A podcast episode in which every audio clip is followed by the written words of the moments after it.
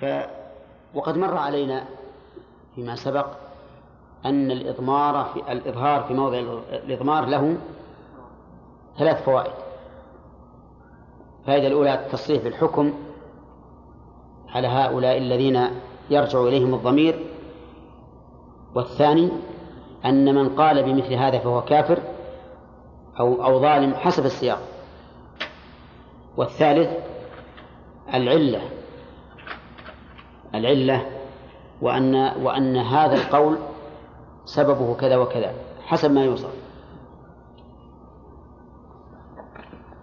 إن اللام بمعنى عن يعني قال الذين كفروا عن الذين آمنوا. يعني قالوا في حق الذين أمروا بالإنفاق عليهم وهم المؤمنون أن نطعمهم لو شاء الله أطعمهم. معناها معناها أنها, أنها للصلة. يعني أن هذا القول واصل للذين قالوا. وإذا قيل لهم أنفقوا مما رزقكم الله هذا هذا القول. قال الذين كفروا الذين قيل لهم للذين آمنوا للقائلين. فتكون اللام للصلة أي أنها أنها تصل هذا القول بالقائل الذي أورد على على هؤلاء قوله أنفقوا ما رزقكم الله. نعم. كيف؟ قال الذين كفروا الذين آمنوا أنتم لو شيء في إي نعم. إي. لأنه يقول إذا كان إذا كنتم تعتقدون أن الأمور بيد الله فكيف تأمروننا أن ننفق على هذا على هؤلاء ولو شاء الله؟ لأطعمهم من دوننا. فأنتم بأمركم إيانا مع اعتقادكم أن الأمر بيد الله يعتبر هذا ضلال منكم. سبحانه وتعالى وإذا قيل لهم أنفقوا مما رزقكم الله إلى آخره. يستفاد من هذه الآية الكريمة أن هؤلاء الذين كفروا يوعظون وينبهون ولكنهم يستكبرون. وإذا قيل لهم أنفقوا مما رزقكم الله فالحجة قائمة عليهم. ومن فوائد الآية الكريمة أن الإنسان إذا أنفق بأمر الله فلا منة له على الله لأن الله تعالى هو الذي أعطاه كقوله أنفقوا مما رزقكم الله. ومن فوائد الآية الكريمة أنه ينبغي للمتكلم الواعظ أن يبين الأسباب التي تحثه على فعل ما وعظ به لقوله مما رزقكم الله. ومن فوائد الآية الكريمة أنه أن هؤلاء الذين قالوا هذا الكلام أن نطعمهم الله إن شاء الله أطعمه أنهم كفار لقوله قال الذين كفروا ومن فوائدها أن البخل من صفات الكافرين بقوله قال الذين كفروا وإذا كان من صفات الكافرين فإنه لا ينبغي للمؤمن أن يتصف به. كل ما كان من صفات الكافرين من اليهود والنصارى وغيرهم فإن اللائق بالمسلم ألا يفعله لأنه إذا فعله صار متشبها بالكافرين في هذه الخصلة. ومن فوائد الآية الكريمة أن الإنسان قد يقول كلمة الحق يريد بها الباطل. أن أطعم من لو يشاء الله أطعمه. فنحن نؤمن بأنه لو شاء الله لأطعم هؤلاء. لكن حكمته عز وجل اقتضت أن يجعل هؤلاء فقراء وهؤلاء أغنياء. ومن فوائد الآية الكريمة أن المشركين يقرون بمشيئة الله وأنها نافذة في كل شيء لقولهم من لو يشاء الله أطعمه. والمشركون أو الكافرون لا ينكرون الربوبية أي لا ينكرون ربوبية الله عز وجل بل يقرون بها. حتى الذين تظاهروا بإنكارها إنما ينكرونها بألسنتهم لقوله تعالى عن آل فرعون وجحدوا بها واستيقنتها أنفسهم. ولقول موسى لفرعون لقد علمت ما أنزل هؤلاء إلا رب السماوات والأرض بصائر. لكن ينكرون الربوبية استكبارا ومكابرة وإلا فإن قرارة نفوسهم تشهد بها. ومن فوائد الآية الكريمة الأساليب الدعائية التي يستعملها المشركون من قديم الزمان حيث قالوا هؤلاء لهؤلاء المؤمنين أو لهؤلاء القائلين أنفقوا ما رزقكم الله قالوا لهم إن أنتم إلا في ضلال مبين. وهذا الوصف المشين للمؤمنين من الكافرين هذا لم يزل ولا يزال موجودا إلى يومنا هذا. فهم يصفون أهل الخير بالأوصاف العديدة المنفرة منهم أو التي يقصدون بها استعداء الحكام على هؤلاء المؤمنين يقول هؤلاء رجعيون هؤلاء متخلفون هؤلاء متشددون هؤلاء متزمتون. ها؟ ك... نعم. وما أشبه ذلك من الكلمات التي يصفون بها أولياء الله عز وجل. ونحن لا ننكر أنه يوجد في أهل الخير وأهل الدين من يغلو ويبالغ في عمله أو في وصفه لغيره من التكفير والتفسيق حتى يكفر من لم يكفره الله ويفسق من لم يفسقه الله. نحن لا ننكر أن هذا موجود ولكن يبدو لي والله أعلم أن وجود مثل هؤلاء المتشددين إنما جاء نتيجة لتطرف الآخرين في المعاصي والفسوق. فيريدون أن يحدثوا رد فعل بالنسبة لهؤلاء. ولو استقام الناس كلهم على الدين ما حصل هذا التطرف. لكن إذا رأوا جانبا متطرفا في السوق والعصيان وأنه مستمر على ذلك ومقر على ذلك من بعض ولاة الأمور حصل رد فعل مقابل لهؤلاء. فتشدد هؤلاء في مقابل تراخي هؤلاء. ولكن التوسط هو الخير. التوسط هو الخير. ومع هذا فإن المتوسطين المعتدلين لا يسلمون من ألسنة المتطرفين الضالين ولا من ألسنة المتطرفين الغالين. فالغالون مثلا يقولون لهؤلاء المتوسطين أنتم مفرطون أنتم مداهنون أنتم تقرون أهل الشر. وأولئك يقولون أهل الشر هؤلاء متشددون هؤلاء يريدون من الناس أن يكونوا على شاكلتهم وإلا فهم كافرون وما أشبه ذلك. المهم أن ألقاب السوء التي يلقب بها أعداء الله لأولياء الله لم تزل موجودة ولا تزال موجودة إلى يومنا هذا. حتى أهل البدع يلقبون أهل السنة بألقاب السوء. يقول هؤلاء مشبهة إذا أثبت الصفات على الحقيقة. وهؤلاء حشوية وهؤلاء نوابت وما أشبه ذلك من الكلمات التي تستوجب النفور منهم والحط والنيل من قدرهم. ولكن هل هذا يضر أهل الخير؟ لا هو لا يضرهم لكن يؤذيهم. والأذية غير الضرر قد يتأذى الإنسان بالشيء ولكن لا يتضرر به.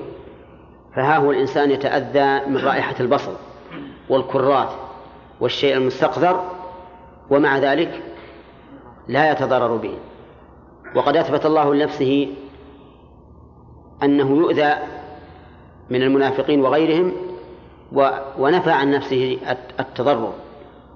فقال الله تعالى إن الذين يؤذون الله ورسوله لعنهم الله في الدنيا والآخرة. وقال في الحديث القدسي يؤذيني ابن آدم يسب الدهر. وقال في الحديث القدسي يا عبادي إنكم لن تبلغوا ضري فتضروني. المهم أن مثل هذه الألقاب لا شك أنها تؤذي المؤمنين ويتأذون منها وتضيق بها صدورهم لكنها لا تضرهم بل هي نافعة لهم لأنهم إذا صبروا عليها أجروا على الصبر وإذا تأذوا بدون صبر صارت كفارة لهم. لأنه لا يصب المؤمن من هم ولا أذى ولا غم إلا كفر الله بها عنه حتى الشوكة يشاكها. لا سيما وأنه يؤذى هنا في ذات الله عز وجل. فيكون هذا منقبة له.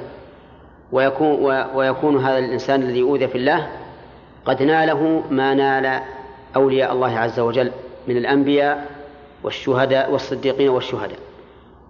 وقد أخبر النبي عليه الصلاة والسلام أنه يبتلى الصالحون الأمثل فالأمثل فإذا كان فيه قوة في دينه فإنه يؤذى أكثر ليكون أبلغ في الامتحان وإذا كان دينه أقل فإن الله قد يرحمه فلا يحصل له من الأذية ما يحصل للآخر وقد وقد يبتليه الله عز وجل ومن الناس من يعبد الله على حرف فإن أصابه خير اطمأن به وإن أصابته فتنة انقلب على وجهه نسأل الله السلامة طيب ومن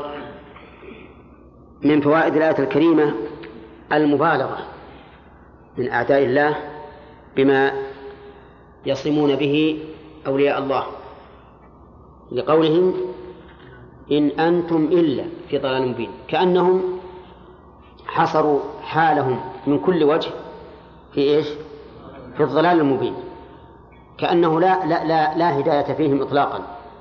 ما أنتم إلا في ضلال وهذا غاية ما يكون من العدوان من هؤلاء.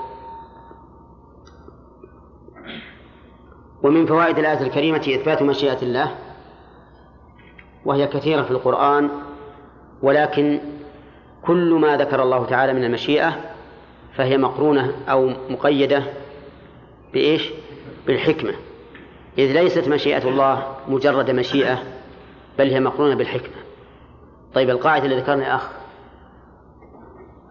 أحسنت. قال الله سبحانه وتعالى ويقولون متى هذا الوعد؟ هذا درس جديد. ويقولون متى هذا الوعد إن كنتم صادقين؟ يقول من؟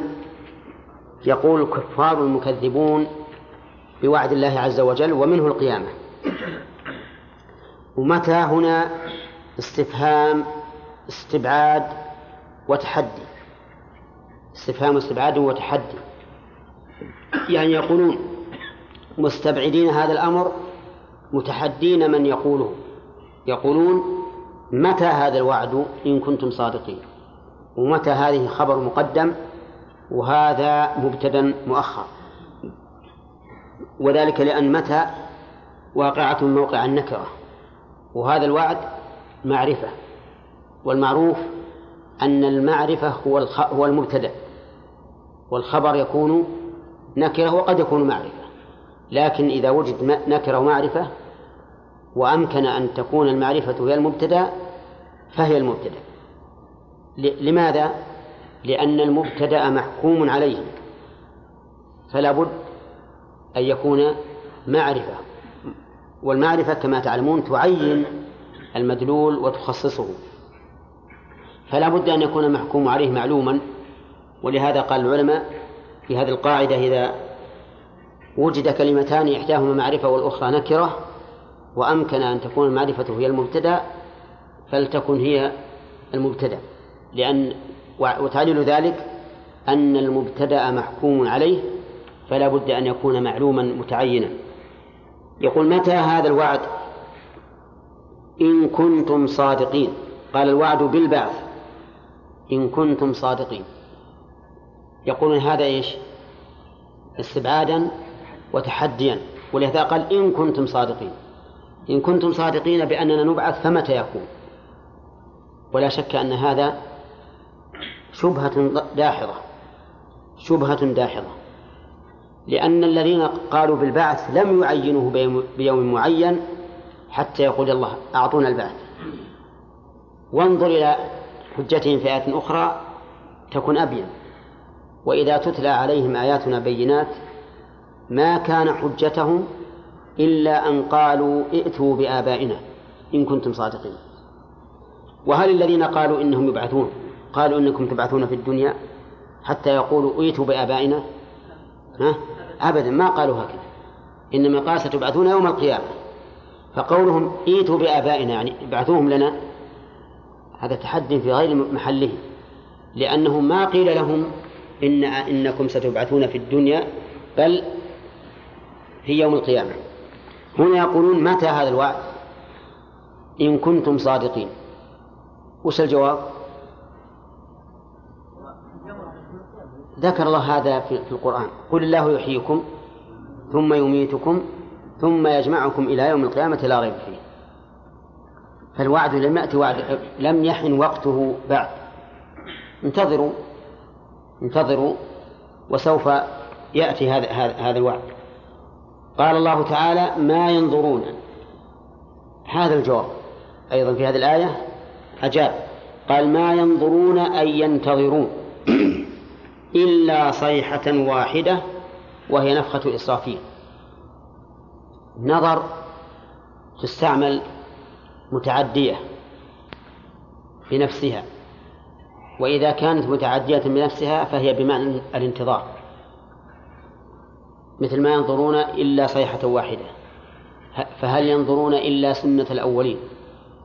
ولها أمثلة وإن تعدت بفي صار المراد بها نظر الفكر صار المراد بها نظر الفكر تقول نظر في كذا أي فكر فيه وتأمله. وإذا تعدت بإلى فهي النظر بالعين. تقول نظرت إليه ومنه قوله تعالى وجوه يومئذ ناظرة إلى ربها ناظرة. ما ينتظر هؤلاء إلا صيحة واحدة وهي نفخة إسرافيل الأولى. صيحة يعني يصاح بهم. وذلك في النفخة الأولى للصور لأن هذه النفخة يكون لها صوت عظيم مزعج يفزع الخلائق. قال الله تعالى ويوم ينفخ في الصور ففزع من في السماوات ومن في الأرض إلا من شاء الله. كل الخلائق تفزع إلا من شاء الله عز وجل. فيفزعون فزعا شديدا يؤدي إلى الصعق إلى الموت. وحينئذ تكون نفخة واحدة فيها فزع وفيها صعق. قال الله تعالى ما ينظرون إلا صيحة واحدة تأخذهم تأخذهم كما يأخذ العدو عدوه بحيث لا تمهلهم ولا تنظرهم. وهم يخصمون بالتشديد. أصله يختصمون نقلت حركة التاء إلى الخاء وأدغمت في الصاد. أي وهم في غفلة عنها بتخاصم وتبايع وأكل وشرب غير ذلك. أصل يخصمون أصله يختصمون يختصمون. يقول نقلت حركة التاء إلى الخاء. والخاء في الأصل ساكنة فصارت يخص يخصمون. يخصمون. نعم. وهذا إحدى القراءات معكم المصحف اللي فيه القراءات. لا غير غير هذه. بالفتح. يخصمون. لأنه قال نقلت حركة التاء إلى الخاء والخاء والتاء مفتوحة ولم يذكر شيئا آخر. والقراءة التي في المصحف يخصمون. وكأنها كسرت الخاء مراعاة لكسر الصاد. يخصمون. فيها القراءة الثالثة يخصمون كيضربون فتكون القراءات الآن ثلاثا ذكر يخصمون. إيه لكن الله يهديكم. هذه يخصمون. عندنا ثلاث قراءات الآن. هو ذكر قراءتين فقط. سبحان الله العظيم. ليتكم ما تستعجلون بس. في قراءتين فقط عندي. ومعكم الجمال. ها؟ شهور قوله الياء مضارع حصل علم فنقلت حركة التاء إلى القاء ثم قلبت اي التاء صادا ووجد الاستقبال وحذفت همزه الوصف للاستغناء عنها بتحريك القاء فوقع الإعلان في الماضي كما وقع في مضارعه الذي أشار له بقوله أصله يختصمون.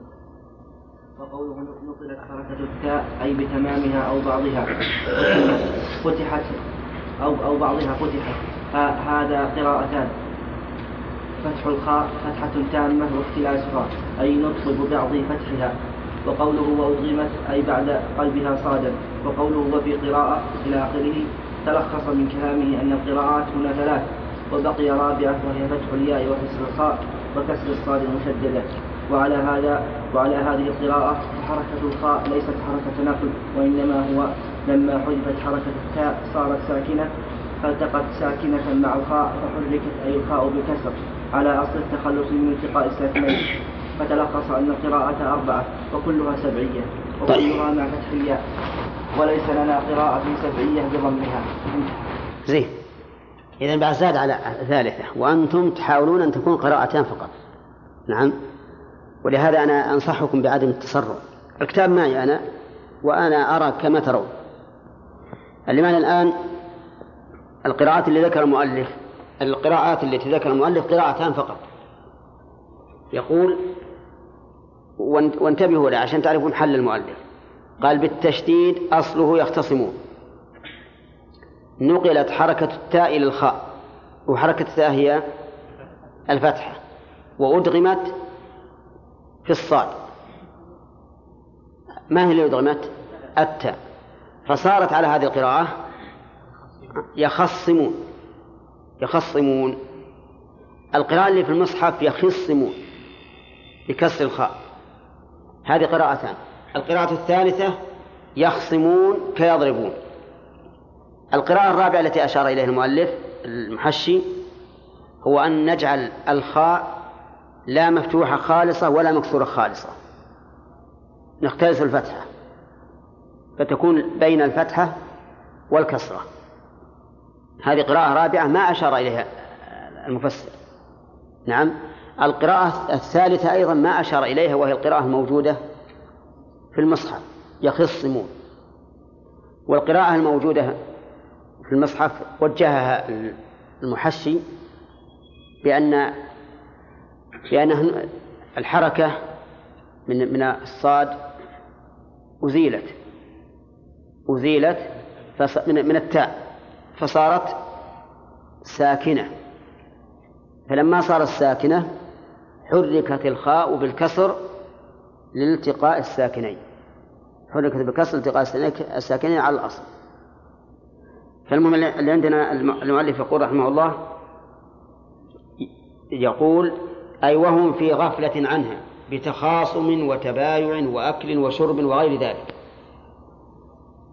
فالصيحة إذن أخذتهم على غرة وهم غافلون عنها لاهون بأمور بأمورهم ودنياهم يتخاصم بعضهم مع بعض وهذا يدل على عدم ائتلاف قلوبهم في تلك الساعة وأنهم من جنس البهائم. ولهذا لا تقوم الساعة إلا على شرار الخلق. نعم طيب. ولم يذكر الله عز وجل سوى التخاصم كأنهم كأن أكثر ما ما هم عليه في ذلك الوقت هو التخاصم والتباغض والتدابر لأنه ما عندهم إيمان. هم شرار الخلق في معاملة الله وشرار الخلق في التعامل فيما بينهم. وفي قراءة يخصمون فيضربون أي يخصم بعضهم بعضا فتكون فيكون الظهور للغالب في الخصومة لا للحق لأنهم في هرج ومرج وليس عندهم إيمان ولا مروءة ولا خلق هم شرار الخلق هم شرار الخلق. فكانت هذه والعياذ بالله حالهم عند قيام الساعة. ويأتي إن شاء الله بقية الكلام. تعنت هؤلاء ومكابرتهم ويقولون متى هذا الوعد؟ فيستفاد من ذلك أن بني آدم يصل إلى حد التحدي لرب العالمين. ولمن بلغ رسالته في قولهم ويقولون متى هذا الوعد.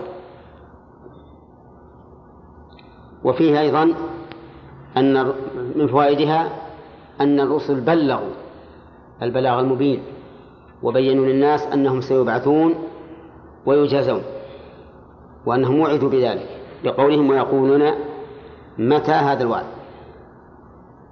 ومن فوائدها أن هؤلاء الذين قالوا هذا القول تحديا واستبعادا لم يصدقوا الرسل بل كذبوهم وليتهم نظروا في الأمر وفكروا لقوله هنا إن كنتم صادقين. ومن فوائد الآية التي بعدها ما ينظرون إلا صيحة إثبات علم الله عز وجل وسمعه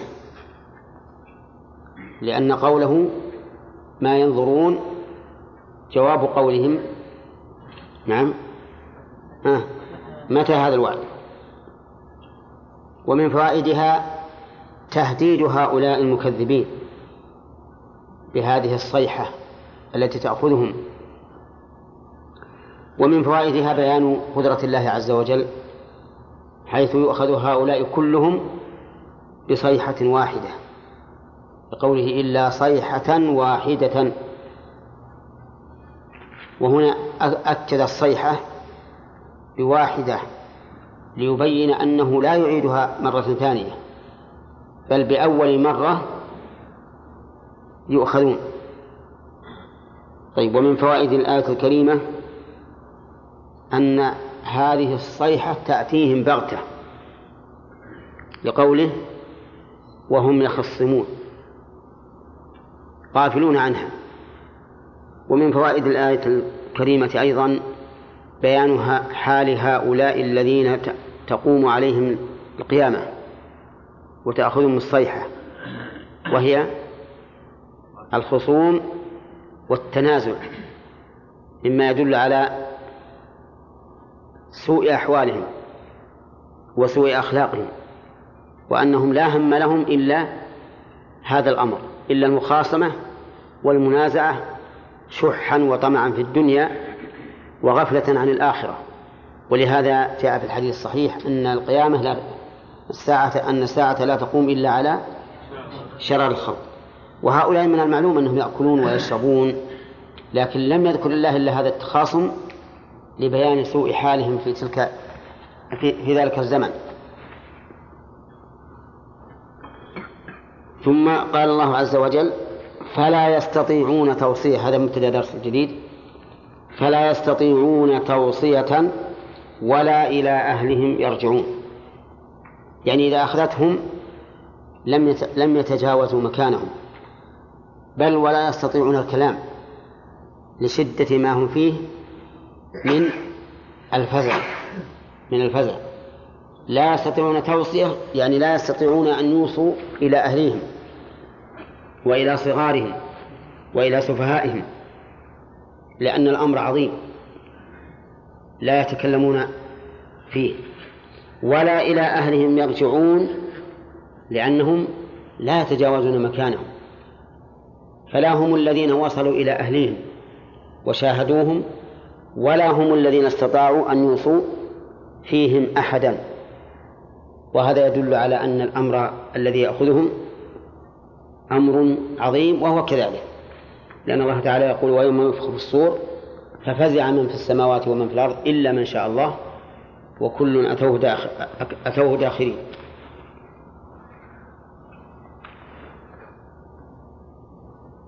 ثم قال عز وجل نعم قال ولا إلى أهلهم يرجعون من أسواقهم وأشغالهم بل يموتون فيها. ونفخ في الصور وهو قرن النفخة وهو قرن النفخة الثانية للبعث وبين النفختين أربعون سنة. نفخ في الصور. النفخ في الصور يذكره الله عز وجل دائما بالبناء للمجهول. نفخ. لأن الإبهام أبلغ في التهويل والتعظيم مما إذا ذكر الفاعل. ولهذا تجدون قول الله تعالى فغشيهم من اليم ما غشيهم أبلغ مما لو بين هذا الذي غشيه فالإبهام أحيانا يفيد التهويل والتعظيم. هنا أبهم النافخ وفي كل الآيات مبهمة النافخ مبهم لبيان عظم هذا الأمر. وقد ثبت عن النبي عليه الصلاة والسلام أن الذي وكل بنفخ الصور هو إسرافيل أحد حملة العرش. قال المؤلف النفخة الثانية للبعث وبين النفختين أربعون سنة فإذا هم من الأجياث إلى آخره نفخ في الصور للبعث. وقد ذكر الله تعالى النفخ في الصور في هذه الآية وفي سورة الزمر وفي سورة النمل وكذلك في سورة الأنعام وغيرها. المهم أن العلماء اختلفوا في النفخات. هل هما ثلاث؟ هل هن ثلاث؟ أو هما اثنتان؟ حسين؟ منهم من قال إنهما اثنتان. ومنهم من قال إنها ثلاث. والظاهر أنهما اثنتان فقط لكن الأولى منهما فيها فزع وصعق والثانية فيها بعث. وهذا ظاهر ما ذهب إليه المؤلف حيث قال النفخة الثانية للبعث. فتكون نفختان لكن الأولى منهما يحصل فيها فزع عظيم ثم موت. وقال بعض العلماء إنها ثلاث النفخة الأولى فزع والنفخة الثانية صع وموت والنفخة الثالثة بعث. في سورة الزمر قال تعالى ونفخ في الصور فصعق من في السماوات ومن في الأرض إلا من شاء الله ثم نفخ فيه أخرى فإذا هم قيام ينظرون. فذكر اثنتين.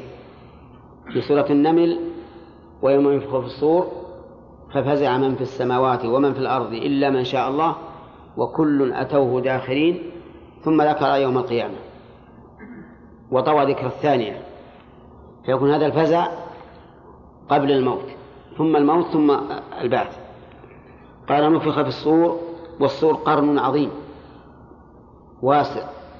ورد في الحديث أن ساعته كما بين السماء والأرض ينفخ فيه للبعث فتخرج الأرواح منه وتأوي كل روح إلى جسدها الذي تعمره في الدنيا. لا تخطئه على كثرة الأرواح الخارجة من هذا الصور. لا تخطئ روح جسدها الذي كانت تعمره في الدنيا. حتى لو قدر أن عشرات الناس دفنوا في مكان واحد فإن روح كل واحد لا تأوي إلا إلى جسدها. تقدير العزيز العليم جل وعلا. قال الله تعالى فإذا هم أي المقبورون من الأجداث القبور إلى ربهم ينسلون يخرجون بسرعة. قوله فإذا هم ألف عاطفة. وإذا حرف دال على المفاجأة. وهم مبتدأ جملة ينسلون.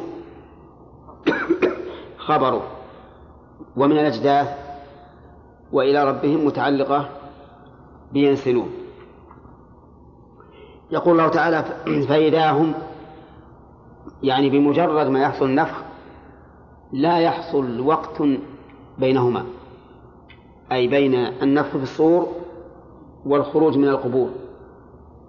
فإذا هم من الأجداث من القبور يخرجون إلى الله تعالى مستعين. وقوله فإذا هم من الأجداث الضمير فيهم قال المؤلف أي المقبورون.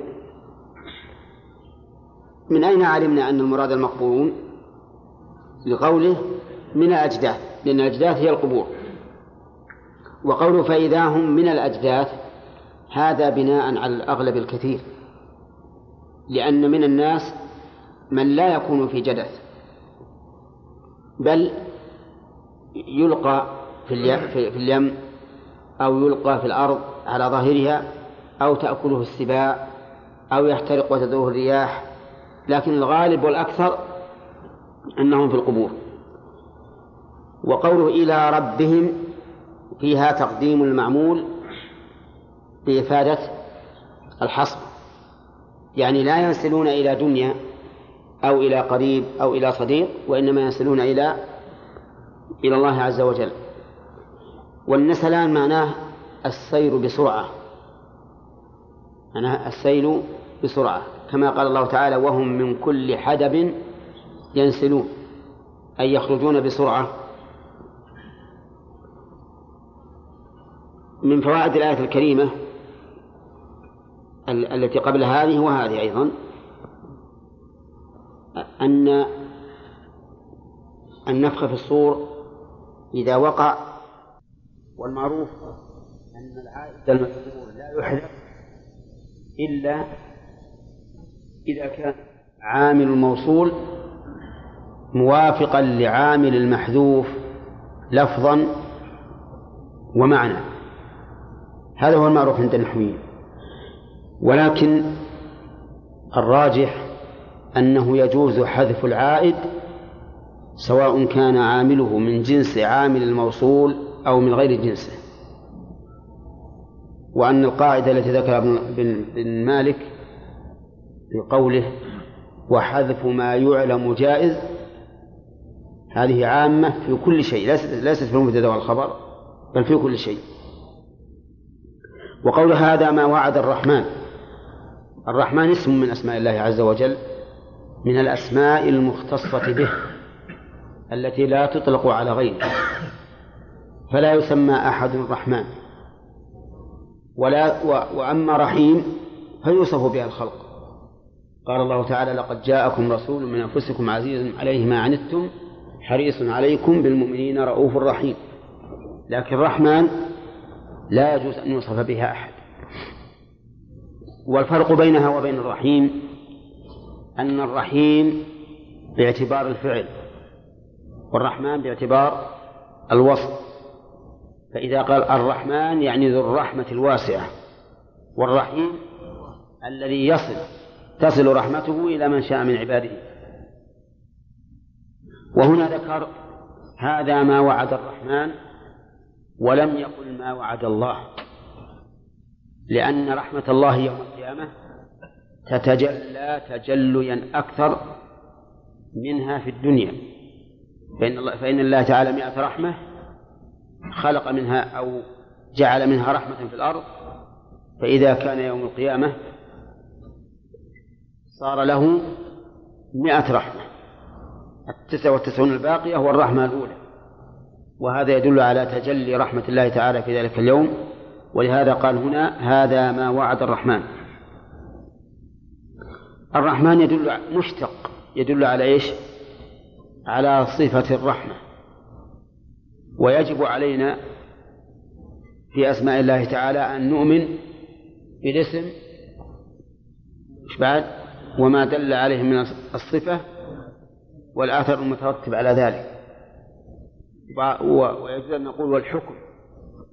فهنا الرحمن اسمه والرحمة صفته ويرحم من يشاء فعله فعله سبحانه وتعالى وهو أثر الرحمة. قال هذا ما وعد الرحمن. وعد الرحمن لأنه سيكون يوم يبعث فيه الناس ويجازى فيه. المحسن بإحسانه والمسيء بإساءته. ومجازاة المحسن الحسنة بعشر أمثالها إلى سبعمائة ضعف إلى أضعاف كثيرة. قال وصدق فيه المرسلون. صدق بمعنى أخبر بالصدق وصدق نعم بمعنى صدق القائل. فالتصديق من المخاطب والصدق من المتكلم. وقال صدق ويقال صدق. صدق بمعنى إيه أخبر بالصدق. قال الله تعالى ولقد صدقكم الله وعده إذ تحسونهم بإذنه. وصدق إيش؟ صدق القائل. يعني أقر بقوله واعترف به. قال الله تعالى والذي جاء بالصدق وصدق به. فهو صادق مصدق. والله أعلم. نعم الفوائد. طيب. يقول الله عز وجل قالوا يا ويلنا من بعثنا من مرقدنا. في هذا دليل على شدة حسرة المكذبين. الذين يكذبون بالبعث إذا بعثوا يقول يا ويلنا من بعثنا من مرقدنا. ودليل ذلك قولهم يا ويلنا. وهذه الكلمة دعاء بالثبور والحسرة على من نطق بها. ومن فوائد الآية الكريمة أن عذاب أن عذاب البرزخ بالنسبة لعذاب الآخرة هين حتى إنه مثل النوم. عند النائم. ومن فوائد الآية الكريمة توبيخ هؤلاء المكذبين حين يقال لهم هذا ما وعد الرحمن. ومن فوائد الآية الكريمة أن الله تعالى صادق الوعد لا يخلفه. وذلك لأن إخلاف الموعد يكون من أحد أمرين.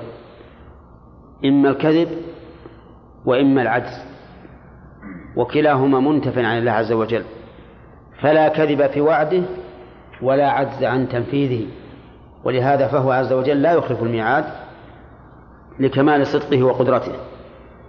ومن فوائد الآية الكريمة صدق الرسل عليهم الصلاة والسلام فيما أخبروا به من البعث وغيره لقوله وصدق المرسلون ومن فوائدها أن المشركين كانوا يقرون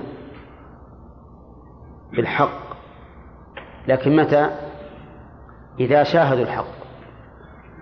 والإقرار بالحق بعد مشاهدته لا ينفع لأن الإقرار بالحق إذا لم يكن غيبا لم يكن الإنسان مؤمنا بالغيب بل كان مؤمنا بالشهادة. فإن قلت قال الله تعالى ثم لم تكن فتنتهم إلا أن قالوا والله ربنا ما كنا مشركين. فهنا أنكروا الشرك مع أنهم كانوا مشركين. بل إنهم يقرون بشركهم. كما قال تعالى يومئذ يود الذين كفروا وعصوا الرسول لو تسوى بهم الأرض ولا يكتمون الله حديثا. فكيف الجمع؟ الجمع بينهما أن يقال إن يوم القيامة ليس لحظة ولا ساعة قليلة بل هو خمسون ألف سنة. فهم يتقلبون. أحيانا يقرون بكل ما عملوا وأحيانا ينكرون إذا رأوا نجاة المؤمنين. قالوا والله ربنا ما كنا مشركين لعلهم ينجون كما نجا غيرهم. ولكن يختم على أفواههم وتكلم أيديهم وأرجلهم. وحينئذ يقرون ولا يكتمون الله حديثا. والله أعلم. نعم.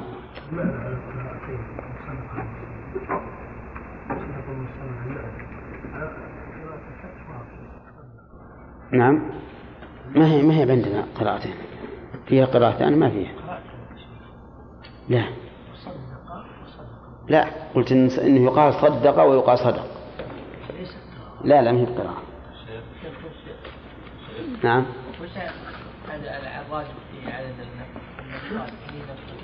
الراجح أنهما اثنتان. طيب والنفخه التي قال عنها الرسول صلى الله عليه وسلم أنه أول ما يرى موسى. هذه نفخة الصعق الصعق؟ إي نعم.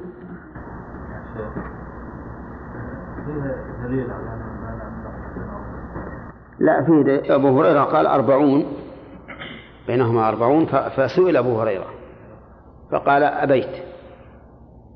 لكن لعل المؤلف أخذها من دليل آخر.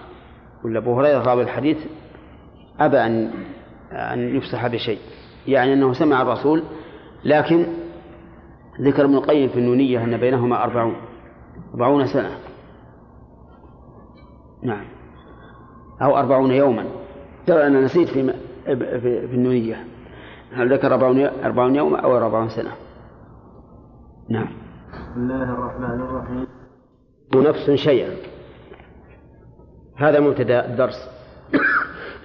لأن الآية التي قبلها. تكلمنا عليها الماضي العام الماضي. نعم. الفوائد. من أين من أين؟ طيب. ما نخليها مع فائدة هذه؟ أحسن عشان قال الله تعالى فاليوم لا تظلم نفس شيئا ولا تجزون إلا ما كنتم تعملون. اليوم يعني يوم القيامة حين يحضر الناس للفصل والقضاء. فأل هنا للعهد للعهد الحضوري. يعني في ففي حضرتهم لذلك اليوم. حينما يحضرون لا تظلم نفس شيئا. وقوله لا تظلم نفس شيئا أي لا تنقص. والنقص يكون بأحد أمرين رحمك الله. إما بزيادة السيئات وإما بنقص الحسنات. وكلا الأمرين منتف كما قال الله تعالى ومن يعمل من الصالحات وهو مؤمن فلا يخاف ظلما ولا هضما. أي لا يخاف هضما من حقه في الحسنات ولا ظلما بزيادة السيئات. يقول لا تظلم نفس شيئا ونفس نكرة في سياق النفي فتشمل كل نفس حتى الكافر يكون عذابه على حسب عمله. ولهذا قال ولا تجزون إلا ما كنتم تعملون. يعني لا تكافؤون على أعمالكم إلا ما كنتم تعملون. قال المؤلف رحمه الله إلا جزاء ما كنتم تعملون وإنما قدر جزاء لئلا يتسلط الفعل على نفس العمل والعمل قد مضى وانقضى والذي يوجد في يوم القيامة هو الجزاء. ولهذا قال إلا جزاء ما كنتم. لا نفس العمل فإن العمل كان في الدنيا ليس في يوم القيامة. والذي في يوم القيامة هو الجزاء فلهذا قدر المؤلف إلا جزاء ما كنتم تعملون. فإن قال قائل كلام المؤلف هنا أفلا يكون منتقدا لأنه كالاستدراك على كلام الله عز وجل. فالجواب على هذا أن يقال لا ليس بمنتقد وليس مقتضاه الاستدراك على كلام الله لأن المؤلف أراد أن يفسر المعنى المراد ولا ولم يرد أن في الكلام نقصا. وقد علم في البلاغة أن الإيجاز نوعان. إيجاز حذف وإيجاز قصر. إيجاز الحذف معناه أن تكون الجملة فيها شيء محذوف يعلم من السياق. وإيجاز قصر أن تكون الجملة ذات كلمات يسيرة ولها معان كثيرة. فعلى كلام المؤلف يكون في الكلام إيجاز حذف. طيب فإذا قال قائل إن هذا التركيب الذي ذكره المؤلف فيه شيء من الركاكة لا تجزون إلا جزاء ما كنتم تعملون. إذا قورن بقوله ولا تجزون إلا ما كنتم تعملون.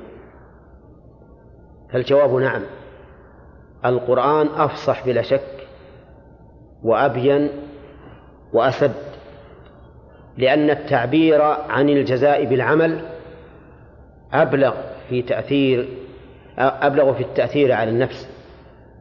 فإذا علم الإنسان أنه لا يجزى يوم القيامة إلا عمله فإنه سوف يزدجر عن المحرمات وسوف يقوى على فعل المأمورات لأنه يعلم أن عمله هذا نفسه هو الذي سيجزاه يوم القيامة.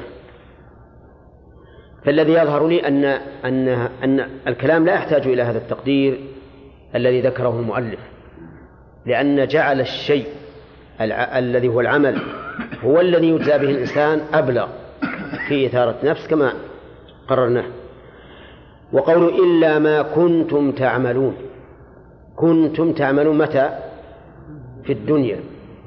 وتعملون هذه خبر كان وتحتاج إلى الجملة تحتاج إلى عائد يعود على الموصوف على ما لأنه قد تقرر في علم النحو أن كل اسم موصول يحتاج إلى عائد عائد يربطه بصلته كما أن كل خبر للمبتدأ يكون جملة يحتاج إلى رابط يربط بين الجملة الخبرية وبين المبتدأ التي هي خبر عنه. هنا نقول نقول إن العائد محذوف أي ما كنتم تعملونه. العمل يطلق بلا شك على الفعل ويطلق أيضا على القول ويطلق على عمل القلب على عمل القلب وهو الركون إلى الشيء والاطمئنان به. فإذا أطلق العمل شمل هذه الثلاثة. هي ها؟ يطلق على الثلاثة. كلمة عمل تكون للثلاثة. نعم. عمل القلب وهو ركونه إلى الشيء ورضاه به وطمأنينته به هذا يسمى عمل عمل قلب. قول يعني عمل اللسان فعل عمل الجوارح. هذا إذا أطلق العمل.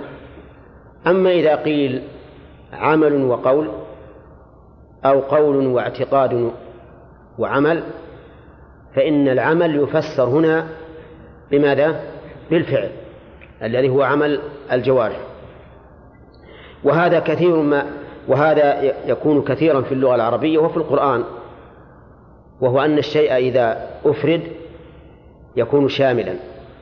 وإذا قرن بغيره صار خاصا لأنه إذا قرن بغيره صار الكلام على جهة التقسيم على جهة التقسيم. والتقسيم لا بد فيه من مقسم. المقسم يكون كل قسيم منه ضدا للقسيم الآخر. والخلاصة الآن أن المراد بالعمل هنا إيش؟ عمل القلب والجوارح واللسان الذي هو القول. يشمل كل هذا لأن هذا كله يجازى عليه الإنسان يوم القيامة. طيب فإذا قال قائل هل يشمل الكف؟ هل يشمل العمل؟ الكف أي إذا ترك الإنسان المعصية هل يقال إن هذا عمل يجزى عليه؟ الجواب نعم يقال إنه عمل يجزى عليه. ولهذا قال النبي عليه الصلاة والسلام من هم بالسيئة فلم يعملها كتبها الله حسنة كاملة. حسنة كاملة لأنه تركها لله. فما وجه كون الترك عملا؟ لأن الترك كف النفس كف النفس عن جماحها وإقدامها فهو عمل. وحينئذ نقول الكلمة يعني يعملون تشمل أربعة أشياء. هي فإنه عمل ويجزى عليه الإنسان. إلا ما كنتم تعملون.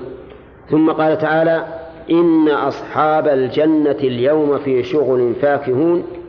ثم قال وامتازوا اليوم أيها المجرمون. لما ذكر الله عز وجل أن ذلك اليوم يجازى فيه العامل بعمله ذكر أصناف العاملين.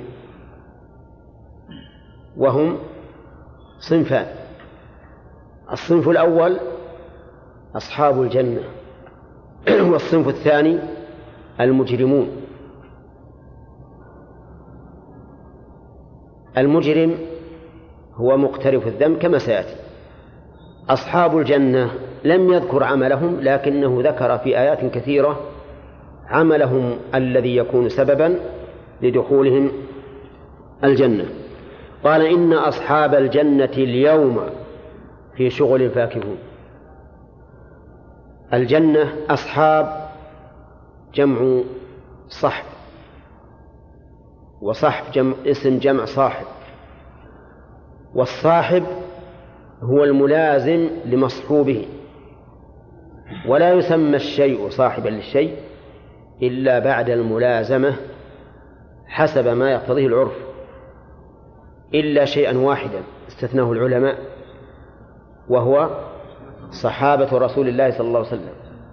فإن صحبته تثبت بمجرد اللقاء. ولو لحظة. فكل من اجتمع بالنبي صلى الله عليه وسلم مؤمنا به ومات على ذلك ولو لحظة فهو صحابي له. طيب. الجنة مر علينا أنها في اللغة العربية اسم للبستان الكثير الأشجار وسمي بذلك لأنه لكثرة أشجاره يجن من فيه وما فيه أيضا. من فيه وما فيه. يجن بمعنى إيش؟ بمعنى يستر لأن هذه المادة الجيم والنون كلها تدور على هذا المعنى وهو الاستتار. ومنه سمي الجنين لاستتاره في بطن أمه وسمي الجن لاستتارهم عن الأعين وسميت الجنة لأن المقاتل يستتر بها عن السهام. الجنة إذن في اللغة كل بستان كثير الأشجار. سمي بذلك لأنه يجن من فيه وما فيه من فيه من الساكن وما فيه من الأشجار الصغيرة التي تكون تحت الأشجار الكبيرة. هذا هو أصل أصل معنى هذه الكلمة في اللغة. لكن معناها شرعا هو أو هي الدار التي أعدها الله سبحانه وتعالى للمتقين.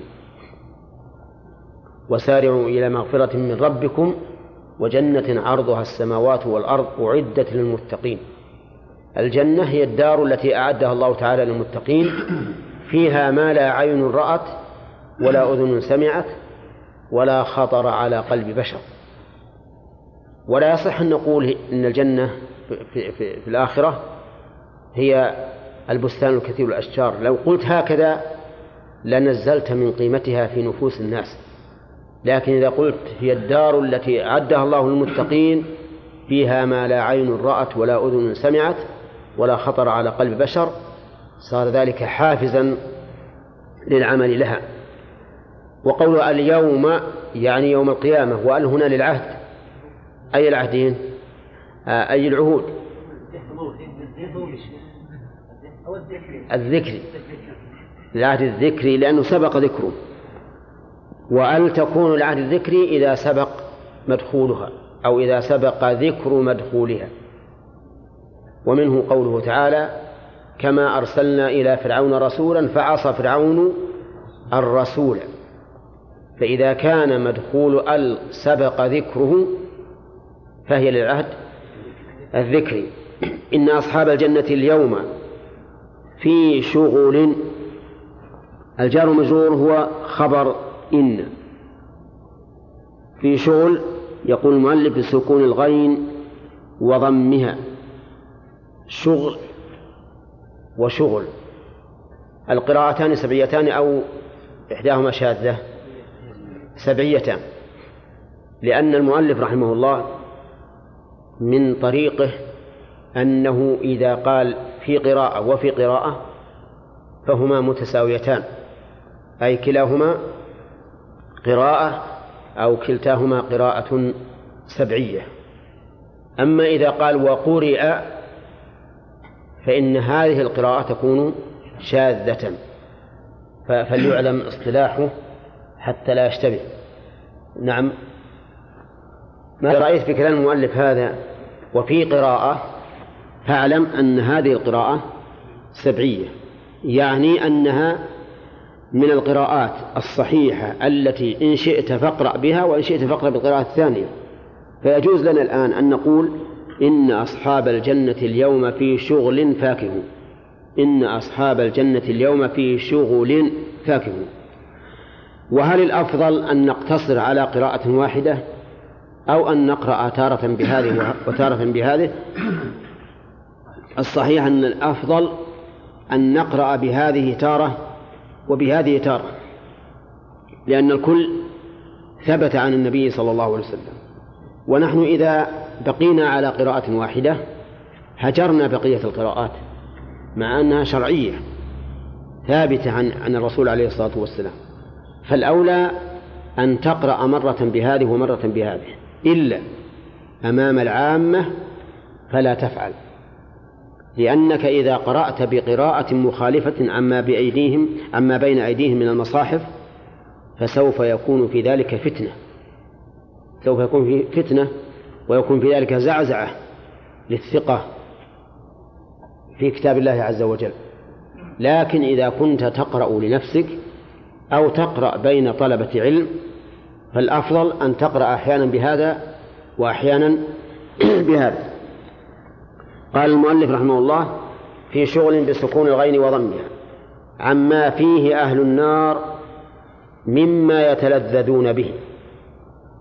إذا هم منشغلون عما فيه أهل النار. ولو أن المؤلف جعلها مطلقة على إطلاقها لكان أولى. هم في شغل عن كل شيء بما هم بما يتلذذون به. بما يتلذذون به. يعني كأنهم لا يفكرون في أي شيء آخر. لأن هذا الذي هم فيه من النعيم قد إيش؟ قد شغلهم. وانشغلوا به عن عن غيره. وهذا كقوله تعالى خالدين فيها لا يبغون عنها حولا أي لا يبغون تحولا أو نزولا عما هم فيه بل ولا صعودا حتى النازل منهم يرى أنه أكمل الناس نعيما. فالأولى أن نطلق ونقول فيه شغل أي أنهم مشتغلون بما هم فيه من النعيم عن كل شيء. لا ينظر أحدهم أو لا ينتظر أحدهم نعيما أرقى مما هو فيه بحيث يرى أن نعيمه ناقص ولا ولا يلتفت إلى شيء أبدا. في شغل قال المؤلف كافتضاض الأبكار. الكاف هنا للتشبيه وليس وليست للحصر يعني من جملة ما ينشغلون به التلذذ بافتضاض الأبكار يعني النساء من من نساء الدنيا وكذلك الحور العين. وإنما مثل المؤلف بذلك لقوله هم وأزواجهم في ظلال. هم وأزواجهم في ظلال. قال كابتضال الأبكار لا شغل يتعبون فيه. لأن الجنة لا نصب فيها نعم يعني لا تعب فيها. معلوم أن هذا الشغل ليس شغلا يتعبون فيه ولكنهم ولكنه شغل يستريحون فيه. لأنه شغل فيما يسر وفيما يحصل به التنعم. قال فاكهون ناعمون. خبر ثان لإن والأول في شغل. فاكهون خبر ثاني لإن أين الأول؟ في شغل الجار مجرور. فتكون إن هنا لها خبران. وهل يجوز أن يتعدد الخبر؟ الجواب نعم. يجوز أن يتعدد الخبر. قال الله تعالى وهو الغفور الودود ذو العرش المجيد فعال لما يريد. هذا خمس خبرات. فالخبر يجوز أن يتعدد لكن تعدد الخبر قد يكون لكل كلمة منه معنى مستقل وقد يكون أو قد تكون الكلمتان في معنى كلمة واحدة. فمثلا إذا قلت هذا البرتقال حلو حامض حلو حامض. هاتان كلمتان لكنهما بمعنى ها؟ كلمة واحدة. أي مز مز يعني جامع بين الحلاوة والحموضة. لكن لو قلت فلان قائم مسرور هل الخبران بمعنى خبر واحد؟ لا كل واحد منهما له معنى مستقل بدليل أن أحدهما ينفرد عن الآخر بمعنى مستقل. الخلاصة الآن أننا فهمنا من كلام المؤلف أن الخبر يجوز أن يتعدد سواء كان منسوخا كما في الآية أم غير منسوخ. قال قال في هم مبتدأ وأزواجهم معطوف عليه في ظلال خبر المبتدأ. هم أي أصحاب الجنة وأزواجهم جمع زوج وتطلق على الذكر والأنثى فيقال هذا زوج فلانة ويقال هذه زوج فلان هذه زوج فلان. لكن أهل العلم قالوا يجب التفريق وإن كان لغة ضعيفة في باب الفرائض. فيقال زوجة للأنثى ويقال زوج للرجل. لماذا؟ لئلا يشتبه على المتعلم كون المسألة المتوفى فيها زوج ذكر أو زوج أنثى. وإلا فاللغة العربية الفصحى حذف التاء من زوج سواء كان للأنثى أو للذكر. هم وأزواجهم في ظلال جمع ظلة أو ظل خبر يعني أن في ظلال خبر للمبتدأ هم. والظلال جمع ظلة أو جمع ظل. والمعنى؟ المعنى لا يختلف كثيرا. فهم في ظلال. ليس ليس ليس عندهم شمس تصهرهم أو تسخن الجو وإنما هو أنوار. أنوار قال بعض أهل العلم كالنور الذي يكون بين طلوع الفجر وطلوع الشمس.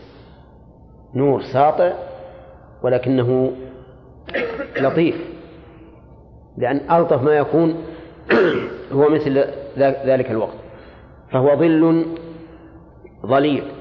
على الأرائك جمع أريكة وهو السرير في الحجلة أو أو الفرش فيها. على الأرائك خبر مقدم ومتكئون مبتدأ مؤخر. ويجوز ما ذكره المؤلف فيما بعد. قال على الأرائك جمع أريكة الأريكة هو هي السرير في الحجلة أو الفراش فيها ولكن الأكثر أنها السرير.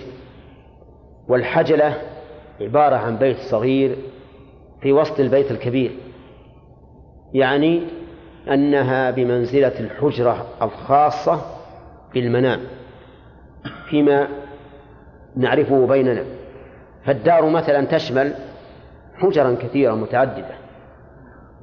والحجرة الخاصة بالنوم هي مثل الحجلة. خيمة صغيرة تكون خاصة بالرجل وأهله أو بالرجل وحده أو بالمرأة وحدها. متكئون خبر ثان إيش؟ متعلق على متعلق على يعني على الأرائك متعلقة بمتكئون وعلى كلام المؤلف يكون المبتدا هم وفي ظلال خبر ومتكئون متعلق على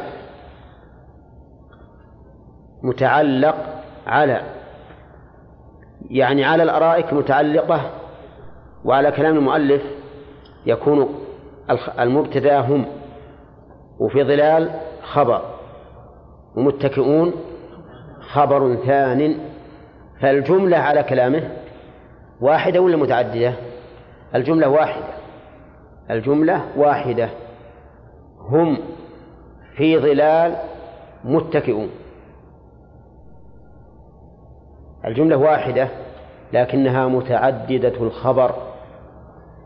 طيب وعلى على الأرائك على كلام المؤلف متعلقة بمتكئون وفائدة أو أو مناسبة تقديمها على عامله مراعاة الفواصل فواصل الآية وأنتم تعلمون أن القرآن الكريم يكون فيه مراعاة الفواصل حتى وإن أدى إلى تقديم المفضول على الفاضل.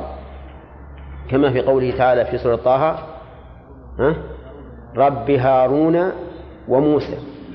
فقدم هارون على موسى مع أن موسى أفضل للفواصل لأن الفواصل إذا كانت متفقة كان لها تأثير في الاستماع والإصغاء والقرآن أبلغ الكلام. هذا ما ذهب إليه المؤلف. ولنا رأي ثاني في المسألة في الإعراب أن تكون على الأرائك خبر مقدم ومتكئون مبتدأ مؤخر وعلى هذا فتكون فيكون لدينا جملتان. جملة هم وأزواجهم في ظلال. نعم. والثانية متكئون على الأرائك. وما ذكرناه أعم لأن ما ذكرناه يشمل أن يكونوا متكئين على الأرائك مع زوجاتهم أو بدون زوجاتهم. وعلى كلام المؤلف يقتضي أن يكونوا متكئين على الأرائك مع الزوجات. ثم قال عز وجل لهم فيها فاكهة ولهم فيها ما يدعون ما يتمنون. ها؟ متعلق على متعلق يعني أن المتكئون تعلقت به على الأرائك. لهم فيها فاكهة ولهم فيها ما يدعون. ها؟ تفسير تفسير. لهم فيها فاكهة ولهم ما يدعون إلى آخره. لهم أي لأصحاب الجنة فيها أي في الجنة فاكهة أي ما يتفكهون به. وكل أكل أهل الجنة فاكهة لأنهم يأكلونه على سبيل التفكه لا على سبيل الحاجة والضرورة. نحن في الدنيا نأكل أحيانا تفكها وأحيانا للحاجة وأحيانا إيش؟ للضرورة. أما في الجنة فكل ما نأكله للتفكه للتفكه لأنه ليس هناك حاجة ولا ولا ولا ضرورة. ولهذا يأكل الإنسان الأكل ويخرج هذا الأكل رشحا يعني مثل العرق أطيب من ريح المسك وليس فيها بول وليس فيها غائط. فإذا قال قائل أنت إذا جعلت الفاكهة اسما لكل ما يأكلون لأنهم يأكلونه على سبيل التفكه فكيف تجيب عن قوله تعالى فيها فيهما فاكهة ونخل ورمان؟ والأصل في العطف أن يكون للمغايرة. الأصل في العطف أن يكون للمغايرة. والنخل والرمان يؤكل ولا لا؟ يؤكل. فالجواب يعلم مما ذكرنا آنفا وهو أن الشيء إذا أفرد صار له معنى عام وإذا قرن بغيره صار له معنى خاصا مقابلا لما قرن معه لأن التقسيم يقتضي هكذا. تقسيم يقتضي هكذا أن يكون المقسم إليه من طرف غير غير المقسم إليه من الطرف الآخر. فنقول النخل والرمان نص عليهما بخصوصهما لخاصية فيهما وإلا فهما من من الفاكهة. ويكون هذا من جنس عطف الخاص على العام. وعطف الخاص على العام في اللغة العربية كثير مثل أحمد. أي وغير الآية لأن ما يمكن تستشهر بما تحكم به. نعم. لا هذه ما بعطف العام على الخاص. نريد عطف الخاص على العام. عادل. تنزل الملائكة والروح فيها والروح جبريل وهو من الملائكة. طيب قال لهم فيها فاكهة؟ ولهم قال المفسر فيها ما يدعون يتمنون. كل كل ما يتمنونه فإنه حاصل. بل إن الله يعطيهم أكثر مما يتمنون. يعطيهم أكثر مما يتمنون. لأن أمنية الإنسان محدودة. قد يرى أن هذا أكبر شيء وفيه شيء آخر أكبر منه ولا ولكنه لا يدركه. كنا نقول ونحن صغار المليون أكثر شيء. أكثر شيء. وين اللي عنده مليون؟ وصار المليون الآن الآن أكثر شيء؟ ها؟ صار فوقه أشياء. فوقه بلايين. وفوق البلايين بعد أشياء ثانية. فالمهم أن الإنسان في الآخرة يعطى كل ما يتمنى بل يزاد على ما يتمنى. فإذا قال قائل هل